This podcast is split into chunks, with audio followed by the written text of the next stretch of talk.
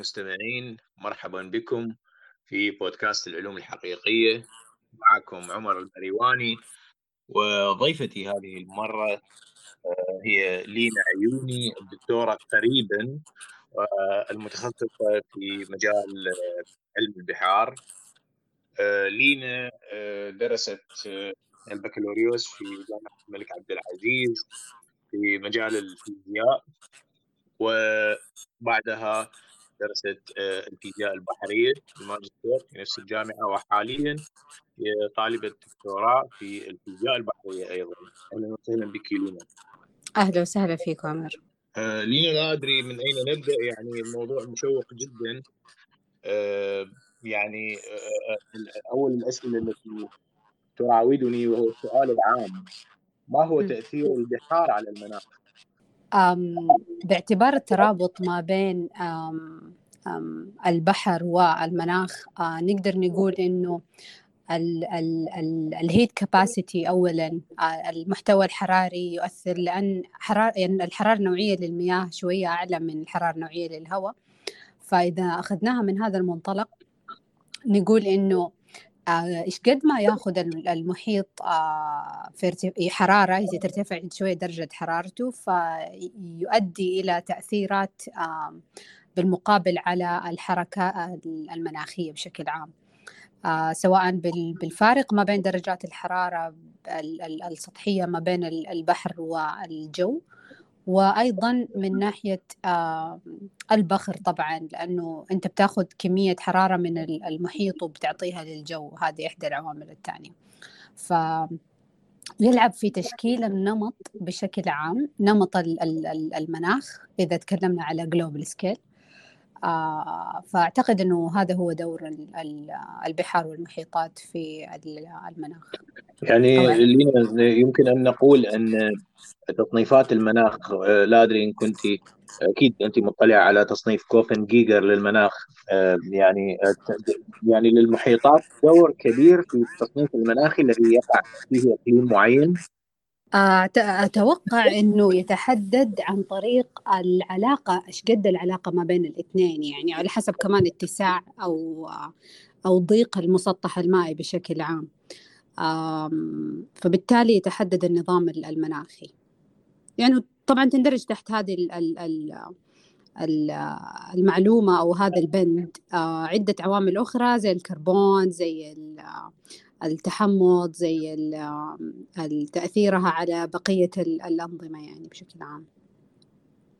طيب لينا موضوع مثير للاهتمام جدا بالنسبة لنا يعني كعرب وتحديدا يعني بالمنطقة العربية في في العراق في شبه الجزيرة العربية في مصر في بودكاست سابق وفي مقال في مقال سابق عفوا ليس بودكاست يعني كتب لنا حسن مازن حول تأثير ما يعرف بتيار المحيط الأطلسي التيار الجنوبي تأثيره على المناخ المعتدل في شمال المحيط الأطلسي.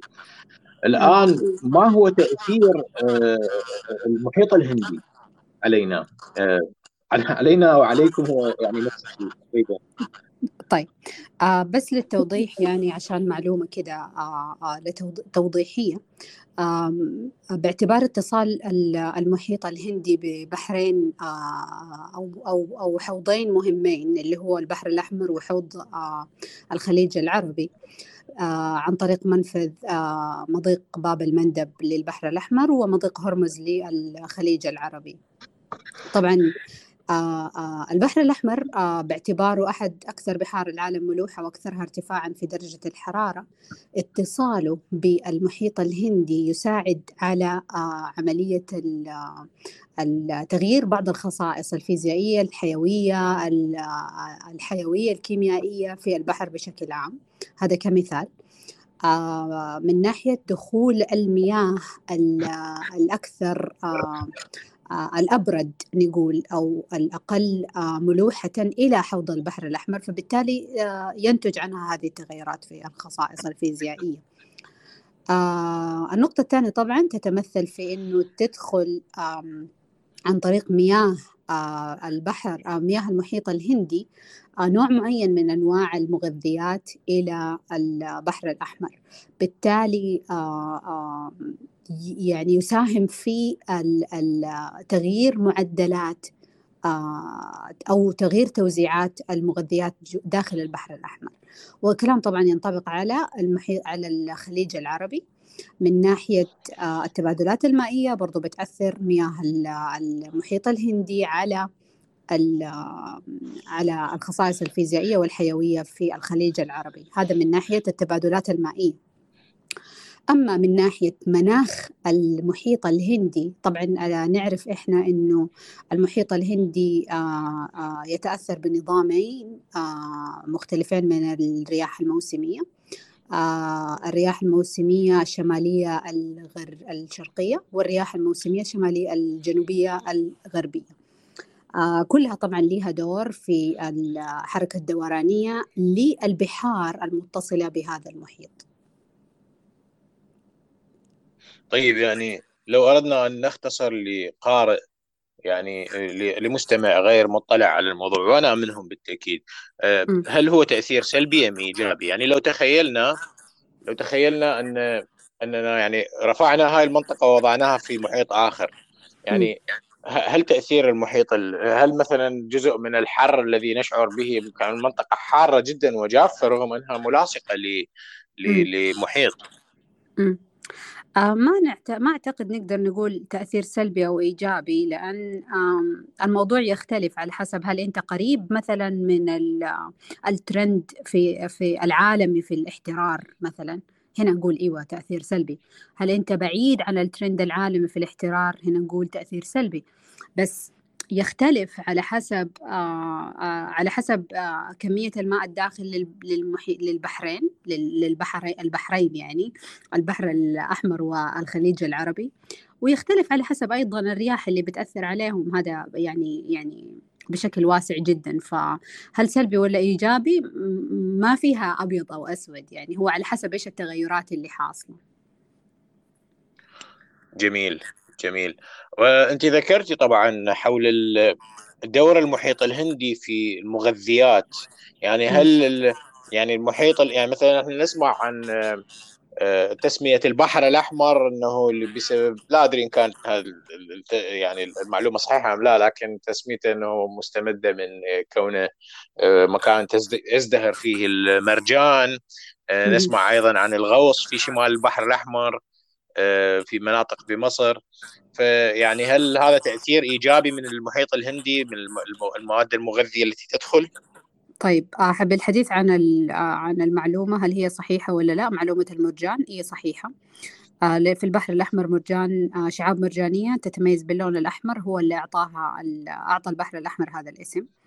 آه، أما النقطة الثانية إجابة على سؤال سؤال وجود المغذيات. نعم هذه المغذيات لها دور جدا جدا جيد في الوفرة آه، آه، داخل البحر الأحمر من ناحية آه، إنها إنها طبعا باعتبار إنها داخلة في السلسلة الغذائية للبيئة البحرية. أو للكائنات الحية. فبالتالي إيش قد ما يكون موجود مغذيات يكون طبعا تواجد كثيف للكائنات الحية وبالتالي تزدهر طبعا المنطقة لأنه بتشكل بيئة تكافلية مع ما حولها من نظم نظم بحرية إيكولوجية يعني. يعني أيضا لو لو افترضنا إن مثلا مضيق باب المندب أغلق مغلق يعني لا يوجد تواصل مع المحيط الهندي فالحياة البحرية والتنوع الحيوي سيكون يعني آه، بوضع أسوأ يعني أو يكون في وضع مختلف تماما أليس كذلك؟ في وضع مختلف نعم. لأن أحيانا تأتي المغذيات عن طريق الجو يعني بشكل بسيط ضئيل جدا. ولكن آه، العامل الرئيسي هو اللي جاي عن طريق باب المندب. يعني تأثير البحار المفتوحة على محيطات يعني مثلا لو نقارن مع بحر قزوين راح راح يكون آه، البحر المفتوح على محيط راح يكون أكثر آه، حيوية. نعم بالأخذ بعين الاعتبار إيش نوع الماء اللي داخل. يعني الإجابة يعني الإجابة على سؤال زي هذا شوية واسعة بس آه نقدر نقول إنه نوع أو بالأحرى خصائص المياه الجاية من المحيط الهندي للبحر الأحمر تأتي محملة بنوع من المغذيات في الطبقة تحت السطحية اللي هي ما هي على ال surface على طول مش في السطح فتبقى طبقة تحت سطحية محملة بنوع معين من المغذيات. اللي بي بي بي بيساعد على آه، آه، ازدهار الحياة البحرية.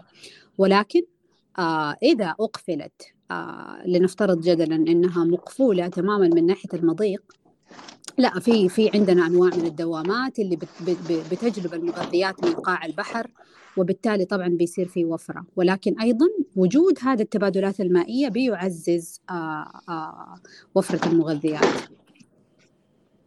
طيب لو أردنا أن نخلط هذا السؤال أو هذا الموضوع مع آه، آه، الموضوع اللي قبله المناخ وتأثير المناخ والآن نسمع عن الاحترار العالمي وتغير المناخي آه، ما هو يعني كيف تتأثر الحياة البحرية في البحار القريبه مثلا البحر الأحمر اللي هو المجال اللي أنت تدرسيه أكثر شيء كيف طيب. تتأثر بما يجري؟ طيب آه طبعا إحنا نعرف بس معلومة كده إنه آه زيادة درجة حرارة المياه يعمل على آه ابيضاد الشعاب المرجانية. بالتالي آه يؤثر على حياتها يعني آه بشكل سلبي. ابيضاد يعني يعني انتهائها كليا لو تغير لون هذا فقط. يعني لا يعني تبدأ تبدأ يصير فيها خلل خلل حيوي فبالتالي ما تكون بنفس الازدهار اللي هي عليه وبالتالي أدائها الوظيفي أو الحيوي ما يكون بنفس الكفاءة نعم. هذه معلومة طيب آه كيف يؤدي التغير المناخ؟ آه يعمل على اضطراب طبعا النظام الحيوي للشعاب المرجانية وبالتالي هذا في المستقبل الطويل يحكم مصير النظام الإيكولوجي بشكل كامل يعني ف ف فيأثر على الوفرة يأثر على الازدهار يأثر على بقية بقية الكائنات الحية اللي قاعدة أو بالأحرى تتعايش على هذه الشعاب المرجانية هل ترصدون هذه التغييرات؟ هل هل تشاهدونها آه. الآن؟ نعم نعم آه في أبحاث آه قامت بها الجامعة آه، أو ولا زالت تقوم بها لدراسة تأثير ارتفاع درجة الحرارة على الشعاب المرجانية وعلى غيرها من بقية الكائنات الحية؟ ووجدوا أنه في آه، نوع معين من أنواع التأثر؟ طيب لينا ننتقل إلى سؤال آخر. يعني كيف يختلف نصف الكرة الجنوبي عن الشمالي؟ أو ليس بالضرورة جنوبي أو شمالي. يعني مثلا خطوط العرض آه، التي من ضمنها مثلا الخليج العربي والبحر الأحمر آه، مع مثلا مقارنة بمناطق على خطوط عرض مثلا بريطانيا واليابان وشمال اليابان والمناطق الجنوبية يعني أستراليا ونيوزيلندا كيف يختلف الأمر؟ طيب آه نتكلم على توزيع ال ال اللاند التوزيع اليابسة في النصف الشمالي أكثر طبعا من الجنوبي يعني لو شفنا خريطة كده للكرة الأرضية. بالتالي آه في عدة أشياء بتتغير اللي هي النظام المناخي بيتغير فيها توزيعات الحرارة وتوزيعات الرطوبة وما يتعلق بها من بقية العوامل الجوية. هذه من ناحية. أما من ناحية النصف الجنوبي آه يكون بسبب زيادة الرقعة المائية فيه فعدة أيضا عدة أشياء تتحكم فيها آه ومن ضمنها طبعا الأنظمة الدورانية وغيرها في في المحيطات. يعني يعني لو فكرنا إنه بمنطقة توزيع اليابسة فيها قليل يعني مثلا المحيط الهادي جزر المحيط الهادي. يعني المحيط اللي هو الأكبر ومجموعة جزر متناثرة هنا وهناك وعلى الساحل من الجهة الأخرى أستراليا والفلبين وبحر الصين. يعني مثلا كيف يختلف هذا عن آه، مثلا محيط تقطعه آه، الكثير من من المناطق اليابسة؟ جميع المحيطات الباقية نوعا ما متداخلة مع أو محاطة بالكثير من اليابسة. اي صحيح الكلام ده لأن آه، آه، في في شيء آه، يحكم العلاقة ما بين التبادلات اللي بتحصل ما بين التبادلات طبعا بتكلم عن الخواص either الفيزيائية أو غيرها ما بين ال land وال ocean أو ال sea اليابسة والماء من ضمنها طبعا عدة أشياء اللي هي ال sea breeze ال land breeze نسيم البر نسيم البحر هذا بنتكلم على scale يوم مثلا. وأما بالنسبة لل, لل, لل, للمدد الطويلة في في أشياء تانية بتحكمها.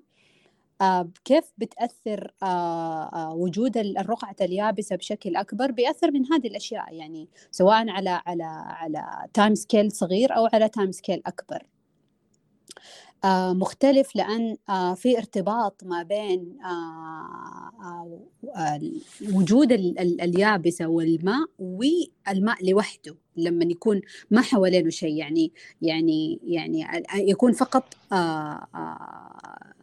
التأثير اللي جاي من من الجو بس. لكن لما يكون في منطقة فيها ماء فيها يابسة ففي علاقة لتسي ثلاثية ما بين آه ناخذ فقط مثلا عامل عامل الحرارة في فارق درجات حرارة ما بين اللاند وال وال والأوشن هذا يحدد مرة آه نسيم البر والبحر. ولما نتكلم على مكان فاضي لا مختلف تماما يعني. مثير للاهتمام يعني تأثير البر على البحر. إحنا دائما نفكر من وجهة نظرنا يعني كبشر يعيشون على اليابس إنه كيف نتأثر نحن بالبحر. لكن نعرف إنه اليابسة أيضا لها تأثير على البحر. لينا ذكرتي المتغيرات الفيزيائية. وموضوع يعني بأي مجال يعني بالنسبة لي وأعتقد بالنسبة للقراء والمستمعين بالعلوم الحقيقية أيضا هو وسائل الدراسة. يعني شنو وسائل دراستكم للبحار؟ كيف تغير الأمر؟ كيف كانت في الماضي؟ وكيف أصبحت؟ خلينا نقول هذا سؤال أو عدة أسئلة سؤال يعني ما هي وسائلكم للدراسة؟ وكيف كانت؟ كيف تغيرت؟ كيف ستكون كيف ستتطور؟ أو ما هي التطورات في وسائل دراستكم للبحار؟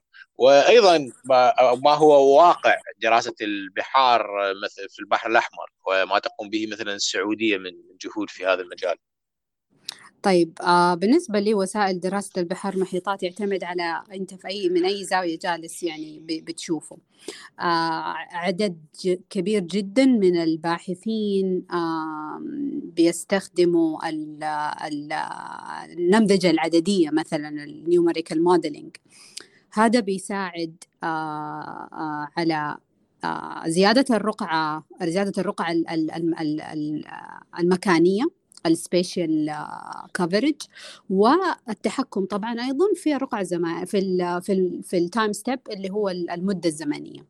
هذا من هذه نقطة. النقطة الثانية في عدد آخر من الباحثين يحب أو يفضل استخدام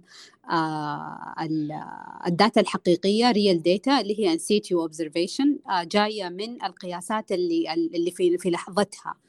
آه طبعا يعتمد على أنت آه على الباحث كيف يحدد آه الزمان والمكان. اما النمط الثالث اللي هو ياخذ الاثنين مع بعض يعني يعني ياخذ ال data الحقيقية ويشوف آه كيف آه يستخدم ال modeling ويربط هذا بدا طيب هذا بالنسبة للبيانات ماذا عن الأدوات ومصادر هاي البيانات؟ طيب. مصادر البيانات لها عدة مصادر إما رحلات بحرية تمتد طبعا لمدة قصيرة أو طويلة على حسب الدراسة. عندنا عدد معين من العائمات تثبت على اليابسة وتكون موجودة يعني زي ال anchored كذا تكون يعني مثبتة على على في العمق وبعدين نسيبها تعوم sensors أحيانا تكون موجودة مثلا على على ال land عندنا رادارات عندنا آه غواصات آلية زي ال gliders زي طبعا هي يعني يعني two categories AUVs و ROVs واحدة منهم طبعا على ال AUVs اللي هم ال glider عدد من ال moorings عدد من ال floats يعني أجهزة نحطها في البحر وتبدأ تقيس هي البيانات وبعدين تعطينا ال data كل ما طلعت على السطح. وطبعا في غيرهم زي ال satellite اللي هو الأقمار الصناعية زي ال يعني عدد عدد كبير جدا من ال platforms بيستخدموها الباحثين يعني. هل هل تقومون ذكرتي الزيارات هل مثلا تنزلون تحت تحت البحر مثلا لأخذ عينة؟ نعم. سواء سواء ينزل الغواص آه، يجمع العينات أو ننزل آه، جهاز اسمه CTD conductivity temperature عبارة عن عدد معين من قناني من المياه آه، ننزلها على أعماق معينة تسوي up cast down cast للماء. نجمع منها عدد معين من من المياه ونسحبها ثاني مرة على السفينة ونبدأ ناخذ المياه ونحللها يعني كم درجة حرارتها من أي عمق جات وهكذا. طبعا أنا سألت سؤال هو حول الماضي لكن أتخيل من كلامك إنه كثير من هذه التقنيات لم تكن موجودة. لكن يبقى جزء آخر من السؤال وهو المستقبل. يعني ما هي الوسائل التي تتطلعون إلى آه، تحققها مثلا أو أو دخولها لمجال البحث والتي قد تحدث ثورة في مجالكم.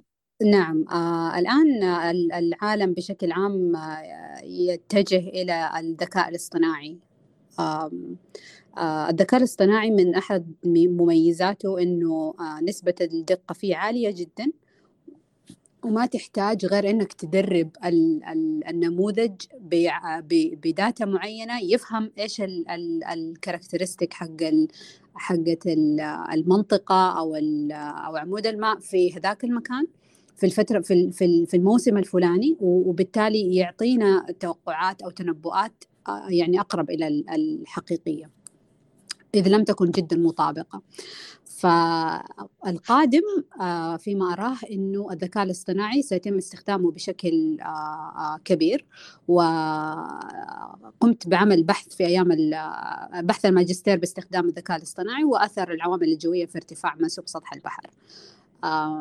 وكانت النتائج آه، جدا جدا واعدة آه، قريبة جدا للتغيرات الحقيقية. أما بالنسبة للنقطة الثانية فإنه آه، استخدام الروبوتات طبعا again ترجع للذكاء الاصطناعي ال artificial intelligence أو ال machine learning روبوتات تستخدم في جمع العينات وإرسالها وتثبت وتشيل يعني تقوم بعمل الإنسان الطبيعي.